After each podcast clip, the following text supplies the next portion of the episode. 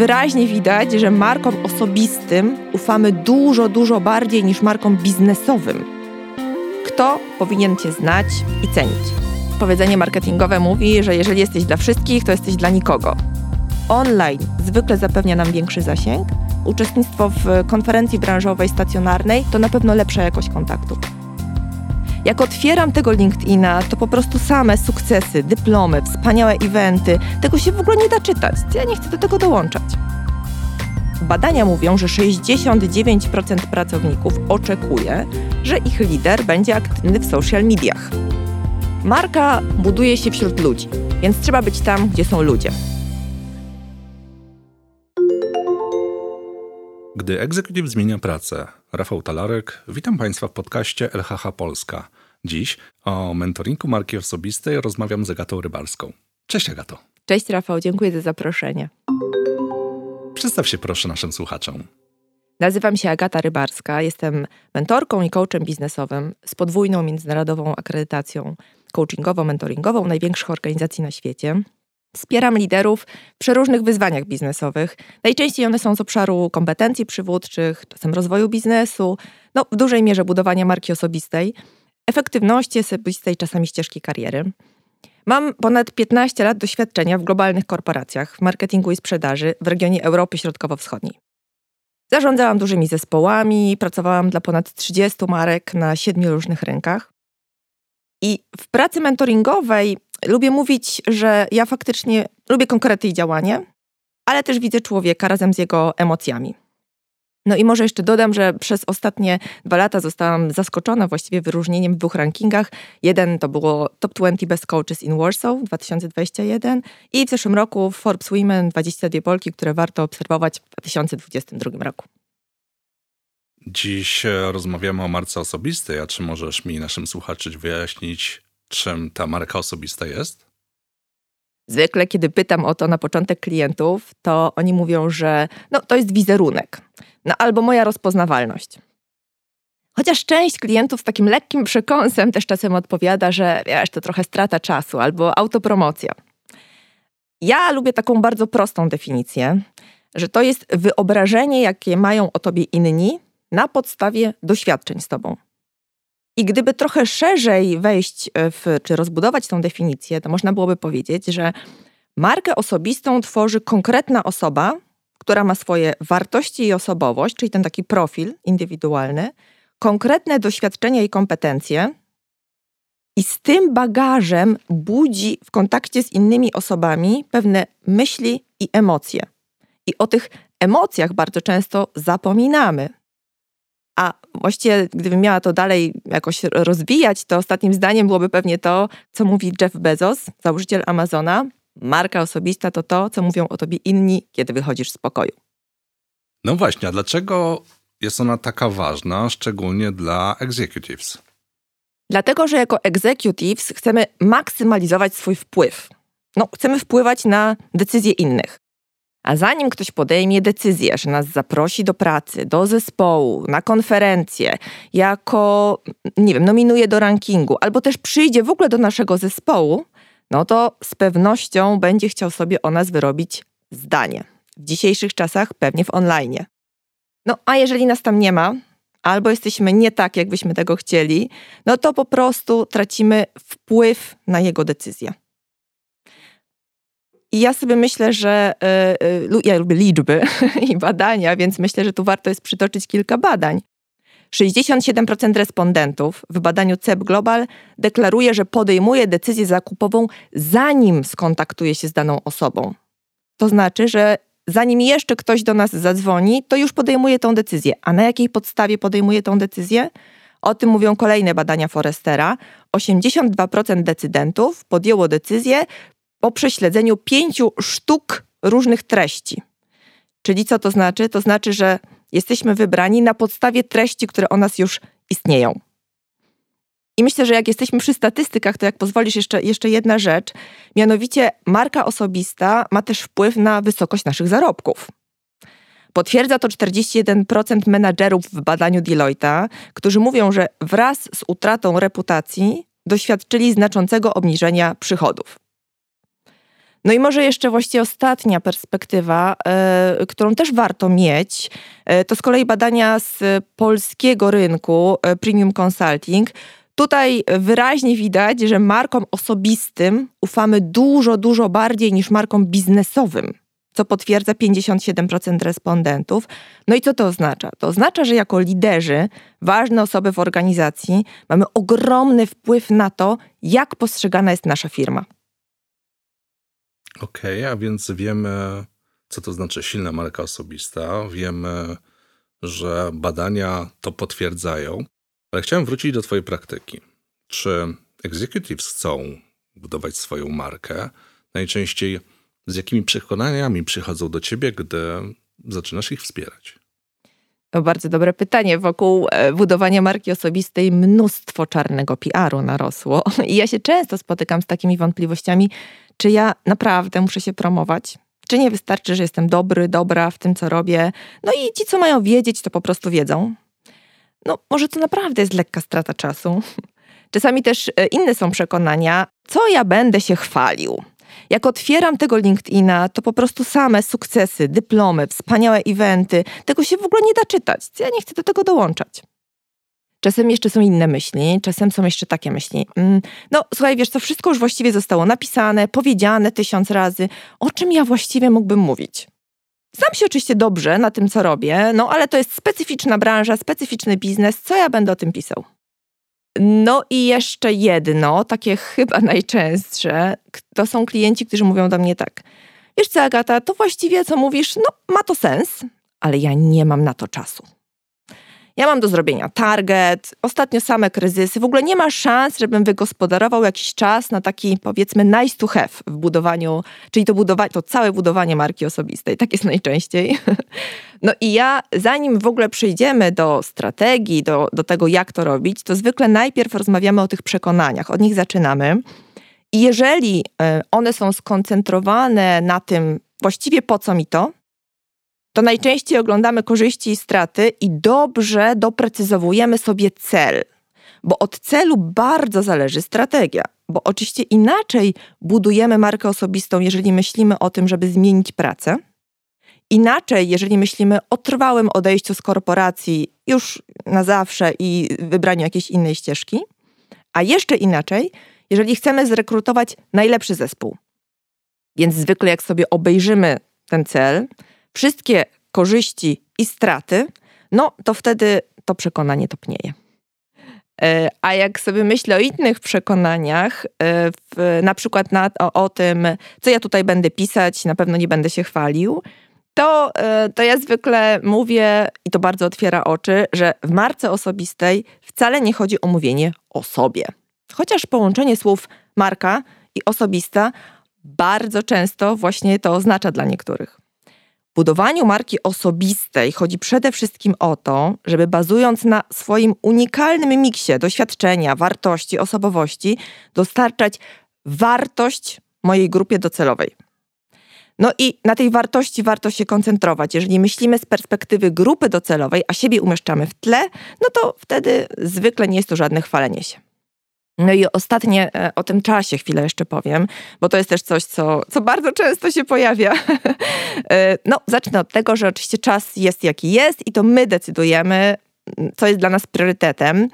Więc zwykle ja pytam, czy możemy sobie pozwolić na to, żeby dzisiaj, w dzisiejszych czasach, tej marki świadomie jednak nie budować. I jeśli już widzimy, że chcemy, no to są przeróżne konfiguracje, w których można pracować. Opcja pierwsza zwykle to jest wsparcie asystentki, która może podrzucać artykuły, robić researche konferencji, zgłaszać do rankingów czy technicznie pomagać w LinkedInie. Opcja druga to jest opcja, w której w treści pomaga albo dział komunikacji, albo marketingu, albo agencja PR-owa. No i opcja trzecia jest taka, kiedy nie chcemy angażować, nie możemy albo nie chcemy angażować zespołu wewnętrznie, no bo na przykład przygotowujemy się do wyjścia z korporacji, no to można pracować z copywriterem zewnętrznym. I ostatnia, opcja czwarta. Jeżeli naprawdę uważamy, że nikt nam nie może pomóc, to ok, to oprócz stworzenia strategii, poświęćmy na budowanie marki osobistej, może, może właściwie powinnam powiedzieć, nie poświęćmy, tylko zainwestujmy w budowanie marki osobistej, trzy godziny w miesiącu. I podczas tych trzech godzin napiszmy dwa posty albo jeden artykuł. Oprócz tego w ciągu całego roku zdecydujmy, że chcemy wziąć udział nie wiem, w jednym podcaście, albo w jednej konferencji, albo w jednym rankingu. I dzięki tym naprawdę kilkunastu, no może kilkudziesięciu godzinom rocznie, takim spójnym i konsekwentnym, możemy tę markę systematycznie budować. E, ja to zawsze powtarzam takie marketingowe stare powiedzenie: branding happens over time, not overnight. Tak naprawdę markę budujemy długoterminowo. No dobrze, e, jeśli chcę to jakoś poukładać, to jak strategicznie podejść do budowania marki osobistej? Najważniejsze jest to, żeby w marce być autentycznym. I w nawiązaniu tej autentyczności ja zwykle mówię, powtarzam to, co mówi profesor Bralczyk. Można być sobą, pytanie tylko jak. ja zwykle w procesach mentoringowych pracuję w oparciu o takie trzy kroki. Pierwszy krok to jest ustalenie swojej albo swoich grup docelowych, czyli kto powinien cię znać i cenić. No i znowu stare, dobre powiedzenie marketingowe mówi, że jeżeli jesteś dla wszystkich, to jesteś dla nikogo. A ja się często spotykam z takim przekonaniem: jestem jaka jestem, pokażę to tak jak umiem, a kto będzie chciał, to mnie doceni lub wybierze. No właśnie, ja jestem egzekutywem i do kogo powinienem kierować swoją komunikację? No właśnie, kto może być taką grupą docelową? To po pierwsze, wewnątrz mogą być współpracownicy, no zwłaszcza oczywiście kluczowe osoby w naszej firmie i mój zespół. Ale to też mogą być inni liderzy, eksperci, najbardziej opiniotwórcze osoby w branży. To też mogą być kandydaci do zespołu, bo kiedyś przychodziło się do firmy, dzisiaj przychodzi się bardziej do szefa, więc, a zanim do niego przyjdziemy, to oczywiście go prześwietlimy w online. No i oczywiście ważny segment klientów, potencjalnych klientów. Tu też warto powiedzieć, że badania mówią, że znacznie częściej i chętniej wybieramy produkty i usługi firm, których liderzy mają silne marki osobiste. No i teraz powiedziałam, że nie wszyscy, a tutaj powiecie, no ale to jednak wszyscy, to kto w takim razie? No właśnie, warto jest sobie wypisać te wszystkie segmenty i wybrać w praktyce dwie, dwie kluczowe grupy docelowe, do której będziemy adresować naszą komunikację. I teraz, jak już je sobie wybierzemy, no to warto się im przyjrzeć dokładnie i bardzo konkretnie, co jest dla nich ważne, jakie mają cele, z jakimi oni się mierzą wyzwaniami i czego potrzebują. I ja tu często opowiadam taką swoją historię, kiedy odeszłam z korporacji, to pomagałam prezesom takich powiedzmy średnich firm w układaniu strategii marketingowych. No i jako człowiek z marketingu zrobiłam sobie świetną personę, rozpisałam idealnie, jakie mają cele, jakie potrzeby. Pięknie to wyglądało. No i kiedy spojrzałam na tą kartkę, to sobie pomyślałam, no dobra, dobra, ale ja całe życie pracowałam w korporacji. Więc czy to naprawdę są te cele i potrzeby, czy nie? No i postanowiłam to zweryfikować. Napisałam na LinkedInie, że umówię się na 10 kaw i na tych 10 kawach z reprezentantami mojej grupy docelowej ja pomogę rozwiązać jakiś kłopot, a jednocześnie dowiem się, czy te cele, czy, czy, czy te problemy, które sobie zdefiniowałam, są prawdziwe. No i pewnie Was nie zaskoczę, mówiąc, że oczywiście po tych 10 kawach okazało się, że ja tą kartkę podarłam i napisałam ją kompletnie od nowa. Więc warto naprawdę poznać specyfikę swoich grup docelowych i dopiero wtedy przejść do kroku drugiego. I tym krokiem drugim jest określenie moich punktów styku z grupą docelową, czyli gdzie po prostu, gdzie ja się z tymi grupami docelowymi spotykam albo mogę spotkać.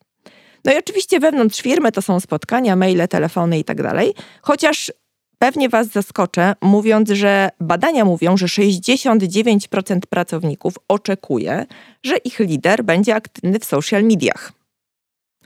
Więc tak naprawdę pamiętajmy, że nasz zespół też patrzy, jak my jesteśmy w online i chciałby mieć takiego silnego lidera, którego również widać na zewnątrz. No i co to znaczy być aktywnym w social mediach? To bardzo dobre pytanie. Myślę sobie, że aktywnym w social mediach, znowu wracając do tych kilkunastu godzin, kilkanaście godzin oznacza, że możemy być na przykład napisać jeden, dwa posty, albo napisać jeden artykuł, albo wystąpić na jednej konferencji. Nie trzeba być ciągle i wszędzie, wystarczy po prostu być mądrze, spójnie i autentycznie. I ja w ogóle jeszcze myślę, że może powiem, jakie punkty styku konkretnie brać pod uwagę, jeżeli jest się egzekutywem. No bo tak, to mogą być oczywiście tytuły branżowe i biznesowe. No, w szczególności jeżeli mamy coś do wyboru, to wybierajmy te, które sobie bardzo dobrze radzą w online. To bardzo ważne. Po drugie, to mogą być konkursy i rankingi biznesowe. I tutaj mamy z pewnością mamy mnóstwo możliwości. CMO, CEO, CFO, e, ale jest też osobowość roku, ekspert roku, menadżer roku. Naprawdę tych rankingów jest bardzo dużo. Nie każdy jest dobry, ale weźmy pod uwagę i zastanówmy się, czy w jakimś rankingu, konkursie nie mogliśmy wziąć udziału. To są też konferencje i na konferencjach zwykle klienci mówią, wiesz, ale ja średnio się czuję w prelekcjach, to jest jednak duży wysiłek. Dobrze, to weźmy pod uwagę panele. Jest teraz bardzo dużo paneli, w których można po prostu porozmawiać o swoim doświadczeniu. To zwykle przychodzi dużo łatwiej. Wspomniałam o podcastach, live'ach, webinarach. Tutaj nie wiem, czy się też, Rafał, zgodzisz, ale ja mam wrażenie, że dzisiaj jeszcze jest taki rynek, na którym jednak ktoś, kto ma doświadczenie praktycznie, całkiem chętnie zapraszany jest do podcastu w roli gościa. No i, e, no i na końcu są social media, jak już wspomnieliśmy, ale to może być i mój profil, ale to też może być e, profil firmowy, bo często jest tak, że firma ma bardzo dobrze prowadzony social, kanał social mediowy, wtedy warto jest jakoś porozmawiać z osobami odpowiedzialnymi za tą e, komunikację, jak można w tych kanałach zaistnieć. Jak wiemy już do kogo i gdzie, to ostatni krok to co chcemy komunikować. No i znowu powiem, że w marce osobistej nie chodzi o mówienie o sobie. Warto jest zastanowić się, jakie problemy, palące kwestie, co będzie wartością dla mojej grupy docelowej. I ja tak sobie pomyślałam, że może dam jakiś przykład, co to w ogóle mogą być za treści.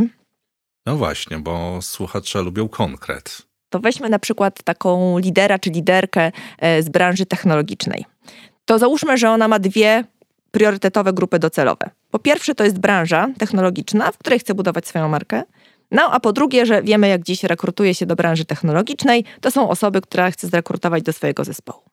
No i tak, dla pierwszej grupy może na przykład w podcaście albo w jakimś dobrym tytule powiedzieć o trendach w technologii, powiedzieć, jakie są innowacyjne procesy czy technologie, które oni wprowadzają zarówno w firmie, jak i u klientów, a dla grupy potencjalnych swoich pracowników może na LinkedInie napisać, pokazać swoją firmę z tak zwanego backstage'u, czyli na, trochę opisać, jaka panuje atmosfera, jak oni świętują, w jaki sposób, w ogóle jak wygląda ta kultura organizacji, która wiemy, że w rekrutacji ma całkiem duże znaczenie. No i jak już sobie określimy co, to jeszcze warto się zapytać, jaką ja lubię najbardziej formę. Jeżeli lubimy pisać, piszmy artykuły i posty. Jeżeli lubimy prezentować, idźmy na konferencję, a jeżeli lubimy rozmawiać, no to wybierzmy podcasty czy panele. I ostatnia rzecz, dodajmy do tego częstotliwość. Jak wybierz, dodamy częstotliwość, to właściwie mamy gotowy plan komunikacji. No i podsumowując, jeżeli mamy określone grupy docelowe, punkty styku z nimi i plan komunikacji, definiujący o czym, gdzie i jak często ja chcę pisać, no to mamy gotową strategię. Okej, okay, to pochylmy się jeszcze na chwilę nad formą, bo dzisiaj dużo mówisz o obecności w e, social mediach, ale znam wielu egzekutywów, którzy z dużą niechęcią podchodzą do aktywności w internecie. Czy w takim razie w dzisiejszym świecie wystarczy być marką offline? Wiesz co, marka y, buduje się wśród ludzi, więc trzeba być tam, gdzie są ludzie.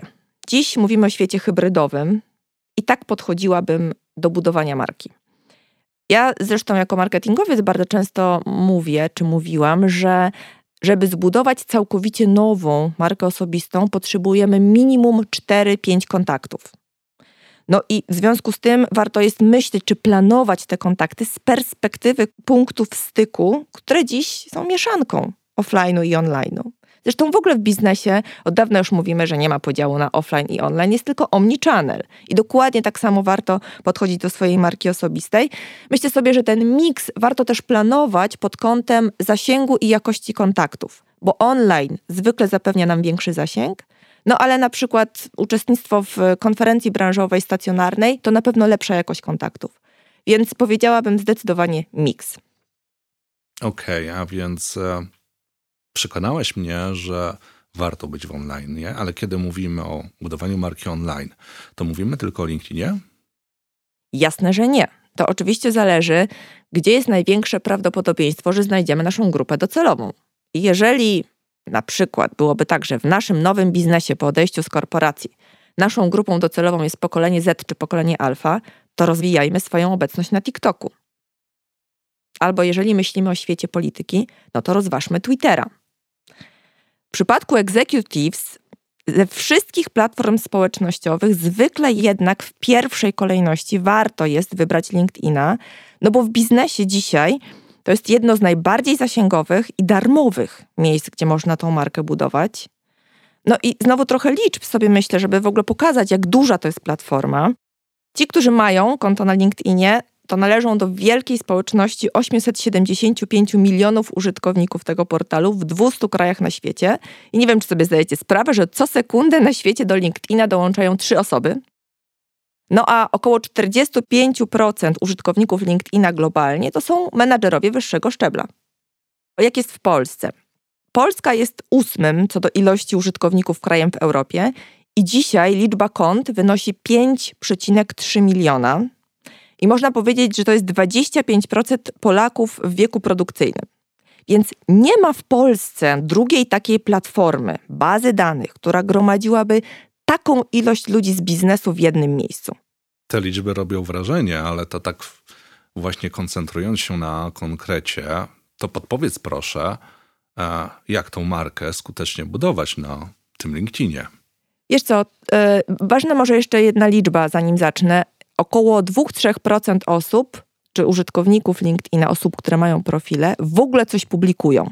No to jeżeli tak, to znaczy, że to jest platforma bardzo duża, gdzie nie ma jeszcze terabajtów treści i gdzie tą markę można naprawdę darmowo w dużym zasięgu budować. No i teraz jak to robić dobrze? Jak to robić autentycznie i dobrze?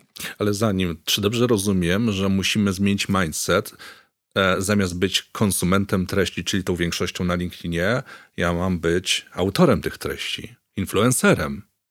Zdecydowanie tak. Zdecydowanie tak i to naprawdę nie jest takie straszne. To można odczarować. I oczywiście warto zacząć od profilu, bo dzisiaj ten profil to jest taka nasza dynamiczna wizytówka w internecie, taki landing page, który trzeba mieć dobrze zrobiony, ale na tym profilu warto jest publikować treści nawet rzadko, ale spójnie i autentycznie. No wiemy, że to jest ważne, ale powiedz, e, co robić, jakich wskazówek udzielić, udzielić egzekutywom, żeby zrobić dobry profil? Gdybym miała wybrać nie, pięć najważniejszych rzeczy, to po pierwsze powiedziałabym oczywiście, że profesjonalne, aktualne zdjęcie. I dziś zamiast zdjęcia na LinkedInie można umieścić 30-sekundową wideowizytówkę. Bardzo serdecznie polecam. Bardzo proste, to nic trudnego. E, druga rzecz to zdjęcie w tle. Zdjęcie w tle, które zwykle jest takie szare pole za naszym, za naszym zdjęciem. Pamiętajmy, że w każdej chwili można je podmienić. No bo to jest nasza darmowa przestrzeń reklamowa, tak naprawdę, którą bardzo warto wykorzystać i która w mediach kosztuje naprawdę duże pieniądze. I tutaj y, często mm, executives pytają, hej, to może ja tu wrzucę jakieś takie, wiesz, ładne tło. To ja bardzo polecam nie wrzucać jakichś nieokreślonych bąbelków. Tutaj rekomendowałabym tak, albo umieścić banner firmy, którą reprezentujemy, bo tutaj korzystamy wtedy z efektu halo, no, czyli ten wizerunek firmy zostanie przeniesiony na mnie, a jeśli z powodów, różnych powodów, nie chcemy wykorzystywać baneru firmy, no to wtedy warto w grafice umieścić swoje wartości, cytat, który jest dla nas ważny w roli lidera czy liderki, albo hasztagi, które definiują obszary, które są mi bliskie. Więc tu opcji jest naprawdę bardzo dużo.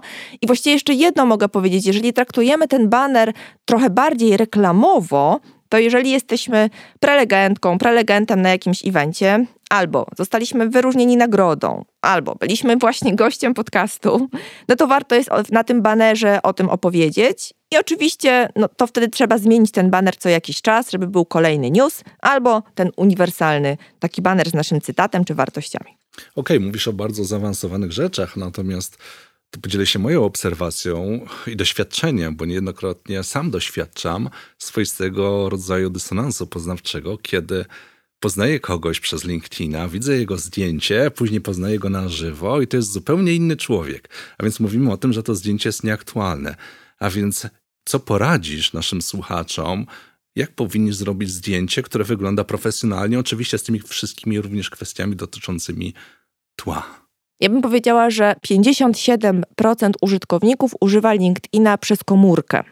Więc jedna z rzeczy, o których warto pamiętać, to żeby to zdjęcie było wyraźne i głównie, żeby to była jednak e, twarz, czyli mało tła, dużo twarzy, Zdjęcie powinno być aktualne, no i w jakimś takim ubraniu, które jest względnie biznesowe. Więc to nie są jakieś niesamowicie ważne czy wielkie wskazówki, ale pamiętajmy, że to zdjęcie powinno być, tak jak mówisz, aktualne. Jasne. E, dużo mówimy o profilu. Czy jeszcze coś chciałeś dodać? E, jakieś rekomendacje, które są istotne na etapie budowania tego profilu? Jeszcze jedna ważna rzecz, nagłówek, czyli to, co mamy napisane pod nazwiskiem, to jest 220 znaków, które chodzi za nami wszędzie, bo LinkedIn nigdzie nie wyświetla naszego nazwiska bez tego opisu. I w związku z tym bardzo warto się zastanowić. I tutaj jako executives zwykle mamy dwie opcje. Opcja pierwsza, nasze stanowisko. Opcja druga, obietnicę, jaką składamy w biznesie. Z tą obietnicą trochę trzeba uważać, bo ja ostatnio widziałam taką obietnicę, e, rozwiązujemy problemy naszych klientów. No i pomyślałam, bardzo ciekawe, no tylko finansowe, prawne, sercowe, jakie to problemy. No i oczywiście okazało się, że to była osoba z branży prawnej, więc jak mówimy o obietnicy, to jednak warto jest doprecyzować albo dodać swoje stanowisko. Jeszcze powiem o, o kilku elementach. Dane kontaktowe, bo zwykle jest tak, że ich nie aktualizujemy, a warto je mieć aktualne. I opis skrócony, czyli te kilka słów o sobie. No i tutaj e, pewnie może zauważyłeś, bo zwykle jest tak, że klienci postrzegają ten mm, opis skrócony przez pryzmat skróconego CV, skrótu CV. I to jest ok, pod warunkiem, że naszą główną grupą docelową jest nasz przyszły pracodawca, bo akurat jesteśmy w trakcie poszukiwania pracy. Ale jeżeli jako lider, liderka chcemy mówić też do innych grup, no to umieśćmy informacje, które byłyby dla nich adekwatne. No i na przykład nie wiem, dla pracowników, klientów, partnerów biznesowych można powiedzieć y, o naszych wartościach. Ja bardzo polecam. Jeden z, z, prezesów e, w bankowości pisze na przykład tak: bankowości nie chodzi tylko o pieniądze, dla mnie ważne jest i tutaj pisze o wartościach. O tych wartościach można też pisać przez pryzmat cytatu. Tak też może być. Jeżeli zależy nam na budowaniu marki osobistej w branży, no to napiszmy do tej branży. I tutaj znowu posłużę się przykładem. Przez 30 lat w bankowości zrozumiałem, że w tej branży technologia i innowacje są kluczowe. Tak, to też jest, to jest, to jest, to jest moje zdanie, które kieruję do branży. Ja zwykle też polecam, żeby dodać jakiś nieformalny szczegół, jakieś zdanie, które mnie inspiruje, albo kawałek historii o sobie, tutaj z kolei, z kolei lider z, li, z retailu napisał świetne zdanie, moim zdaniem. Kiedy byłem nastolatkiem, pomagałem po szkole w rodzinnym biznesie sprzedawać ubrania i buty. I to jest wstęp do tego, żeby powiedzieć, jak nauczył się słuchać potrzeb klientów i związał swoją karierę z retailem. No i jest op naprawdę opcji jest bardzo dużo. Można opowiedzieć o swojej recepcie na sukces. Można opowiedzieć o sobie przez pryzmat talentów Galupa. Można finalnie za, za, zacytować, co mówią o nas współpracownicy. Tak naprawdę w tym opisie ważne jest to, żebyśmy powiedzieli o sobie to, co chcą o nas wiedzieć nasze grupy docelowe. Okej. Okay ale w powszechnej świadomości LinkedIn jest postrzegany jako sieć kontaktów. I znam wiele osób, które wyznają dość skrajne podejście. Albo są kolekcjonerami kontaktów, albo też mówią: Ja tylko zapraszam tych, których znam e, osobiście. Powiedz proszę, jak budować silną sieć kontaktów na LinkedInie? Niektórzy mówią, że w biznesie jesteś wart tyle, ile twoja sieć kontaktów. E, na LinkedInie można w ogóle mieć 30 tysięcy kontaktów. No i teraz jest pytanie, czy to znaczy, że powinniśmy, tak jak mówisz, akceptować wszystkie zaproszenia i zapraszać kogo popadnie? Nie. A czy z drugiej strony powinniśmy y, tylko i wyłącznie zapraszać osoby, które znamy ze świata offline? Też nie. No właśnie, jaki jest właściwy klucz? Klucz jest znowu taki sam. Zapraszajmy i akceptujmy zaproszenie osób z naszych grup docelowych, czyli tych, u których my chcemy budować naszą markę osobistą, bo to u nich w pierwszej kolejności będziemy się wyświetlać, u nich tę widoczność będziemy budować. Może jeszcze tak technicznie podpowiem, że jeżeli chcemy mieć więcej wyświetleń, to warto też zapraszać osoby, które mają duże, aktywne sieci swoich kontaktów, bo dzięki nie, nim tak naprawdę nasz zasięg się zwiększa. Uważajmy na boty. Tych botów jest teraz coraz więcej z Indii, Rumunii, później konta z dużą ilością kontaktów odsprzedawane są na eBayu na przykład, więc na to uważajmy.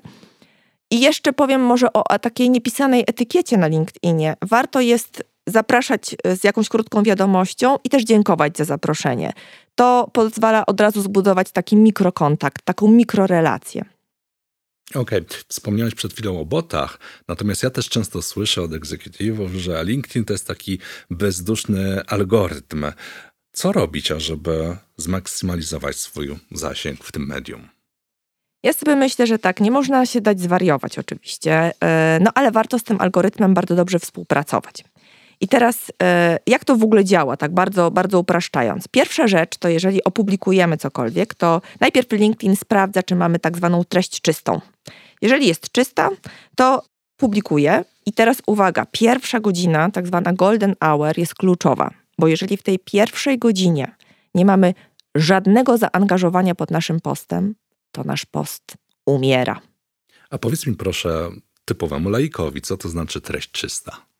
To znaczy treść, która nie ma kontrowersyjnych treści, to znaczy taka treść, która nie odnosi się, nie jest, nie ma przekleństw, nie ma jakichś wyszukiwanych przez algorytm rzeczy dotyczących polityki czy religii.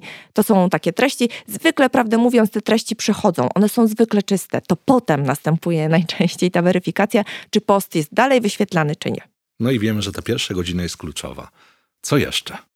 To, co może też warto dodać, to że w, te, w ciągu tej pierwszej godziny widzi tą moją treść około 10% moich kontaktów. I teraz co to oznacza? Że jeżeli my mamy bardzo małą sieć, i co więcej, jej akurat w tym momencie nie ma na LinkedInie, bo wybraliśmy sobie na przykład godzinę 15, która w tym naszym gronie dla egzekutywów bardzo rzadko jest godziną, gdzie są naprawdę ludzie na LinkedInie. No, to nasz post, do, wykonaliśmy, słuchajcie, duży wysiłek, napisaliśmy, no i post umiera. Więc to, co ma wpływ, to przede wszystkim ilość i jakość kontaktów, adekwatność treści do tych kontaktów, ale też sposób reakcji, bo najbardziej premiowane są komentarze, do których warto zapraszać.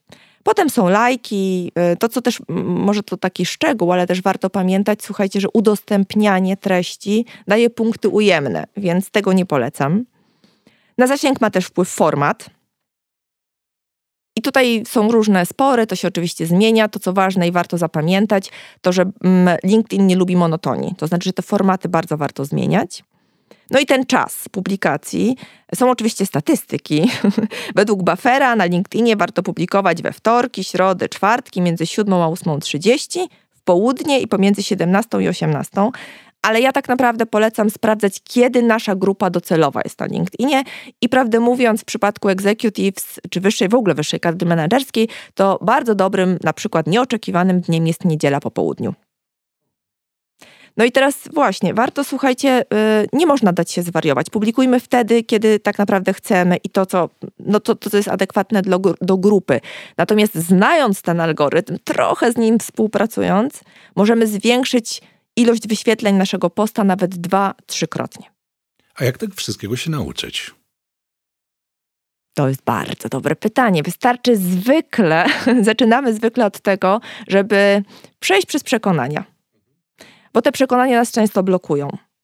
Jak już naprawdę sobie te przekonania obejrzymy i widzimy korzyść dla siebie, to wtedy warto jest przystąpić do robienia strategii. Bo oczywiście można zacząć pisać od razu, można zacząć wystąpić na jakiejś konferencji, można pójść gdziekolwiek, ale to jest skuteczne tylko wtedy, co jak jako executives dobrze wiemy, kiedy to jest nastawione na cel, kiedy wiemy, po co my to robimy. I w związku z tym ja proponuję najpierw przekonania, potem strategia, a potem de facto, kiedy mamy tą strategię, trochę się już w tych przykładach trochę się otrzaskaliśmy, wiemy jak to działa, napisaliśmy kilka komentarzy, jesteśmy trochę bardziej na LinkedInie, to wtedy zwykle jest dużo łatwiej i nawet jeżeli się zdarzy tak, że nikt nam nie może pomóc, to po prostu jest nam łatwiej i już nie mamy tych oporów. A czy mogłabyś zarekomendować naszym słuchaczom osoby albo też marki, które warto byłoby obserwować na LinkedInie w celach takich czysto edukacyjnych i inspiracyjnych oczywiście też? Są oczywiście różne rankingi. E, są rankingi osób, które warto obserwować e, w Forbesie, są też rankingi e, w, w różnych zresztą tytułach. Ja osobiście, tak typowo z biznesu, polecałabym, ja z przyjemnością w ogóle obserwuję, jak swoją markę osobistą buduje Rafał Brzoska, CEO Inpostu. E, świetnie też buduje ją Przemek Gdański, prezes BNP Paribas, ale też Wojtek Kamiński, prezes e, country manager Maxizo. No i są też kobiety. E, jest Dominika Betman, która dziś jest CEO Microsoftu, ale jest też Anna Rulkiewicz, która jest prezeską LuxMedu. To są osoby, które w Polsce, myślę, świetnie te marki biznesowo budują na wysokich stanowiskach. Globalnie e, bardzo jeszcze lubię patrzeć na profil Alana Jołpa, który jest e, CEO Unilevera w UK. E, I jest też Karolina García Gomez, która kiedyś była CEO IKEA w Polsce, a dzisiaj jest Head of Innovations w Hiszpanii. Okej, okay, dziękuję Ci za te podpowiedzi. Natomiast e, dzisiaj dużo mówimy też o LinkedInie, ale tak patrząc na to z dużo szerszej perspektywy. Ja słyszę bardzo często od egzekutywów, ale nie tylko, takie dość fundamentalne pytanie, czy budując własną markę w różnych mediach społecznościowych, mogę albo powinienem być sobą? Co ja w ogóle powinienem pokazywać? Mhm, super pytanie. I tu znowu chyba się odwołam jeszcze do badań, to znaczy było takie badanie też w Polsce, po czym poznać, że marka osobista jest silna. No to co właściwie na nią wpływa? No i na pierwszym miejscu była wiedza i doświadczenie. Na drugim miejscu, uwaga, uwaga, autentyczność. I tu przychodzi mi e, do głowy, jak mówię o tej autentyczności, że jest taka wytwórnia filmów Pixar e, i oni budują wszystkie swoje filmy w oparciu o 22 zasady. I pierwsza z tych zasad mówi, że ludzie kochają bohaterów nie dlatego, że oni zawsze zwyciężają. Oni kochają dlatego, że mają trudności po drodze i są bardzo autentyczni. I o tej autentyczności bardzo warto pamiętać. W tym rankingu to, co się jeszcze pojawia, to pojawia się spójność i to też bardzo ważne. Pojawia się też dalszy, na dalszych miejscach odwaga, pojawia się networking, pojawia się też częstotliwość bycia w social mediach oczywiście, a ja myślę sobie, że jeszcze jedną rzecz warto byłoby dodać. Silne marki osobiste, jak się nad tym dobrze zastanowimy, to są osoby, które potrafią rozmawiać, które nie tylko mówią, co one uważają, ale które potrafią prowadzić dwustronny dialog. I to bym bardzo polecała w budowaniu tej autentycznej, prawdziwej, silnej marki osobistej. Dzisiaj pojawiło się bardzo wiele cennych rad, i tak zbliżając się do końca, chciałem Cię poprosić o krótkie podsumowanie i w zasadzie podpowiedzenie naszym słuchaczom, od czego zacząć budowanie marki osobistej? Najpierw na pewno od uświadomienia sobie swoich przekonań. Czy ja naprawdę wierzę, że to ma sens, czy nie? A kiedy już widzę, że to może mieć jakiś sens, no to wtedy zdecydowanie strategia. Tak jak mówię, profil na LinkedInie, jakiekolwiek wystąpienie, to ma sens, ale tylko wtedy, jeżeli sobie to naprawdę dobrze osadzimy w strategii. No i w dobieraniu, muszę to powiedzieć też w podsumowaniu, w dobieraniu tych kanałów komunikacji naprawdę bardzo warto pamiętać o LinkedInie. Przypominam, 5,3 miliona kont. Nie ma drugiego takiego miejsca biznesowego, w Polsce na pewno. No i następnie egzekucja. To jest już zwykle łatwiejsze, kiedy mamy strategię gotową. I na koniec jeszcze pozostaje monitorowanie bo też y, warto wiedzieć, że jest takie darmowe narzędzie jak Google Alerts i tam można sobie ustawić swoje imię i nazwisko i Google, jeżeli pojawimy się gdzieś w internecie, poinformuje nas o tym w spersonalizowanym mailingu. Więc warto też wiedzieć, w jakich my się kontekstach pojawiamy. Y, no i na koniec tak sobie myślę, że warto jest wysłuchaniu tego wszystkiego niektórzy powiedzą, no ma sens, inni powiedzą, nie, nie, nie ma sensu. Więc ja zawsze mówię na końcu, że słuchajcie, trzymajmy się słów Oscara Wilda, bądź sobą, wszyscy inni są już zajęci. Bardzo Ci dziękuję, Agato, za dzisiejsze niezwykle inspirujące spotkanie. Ja tylko dodam, że dzisiejszy odcinek nie był sponsorowany przez LinkedIn ani żadną inną platformę mediów społecznościowych. Słuchali Państwo podcastu LHH Polska, gdy executive zmienia pracę. Dziękuję bardzo.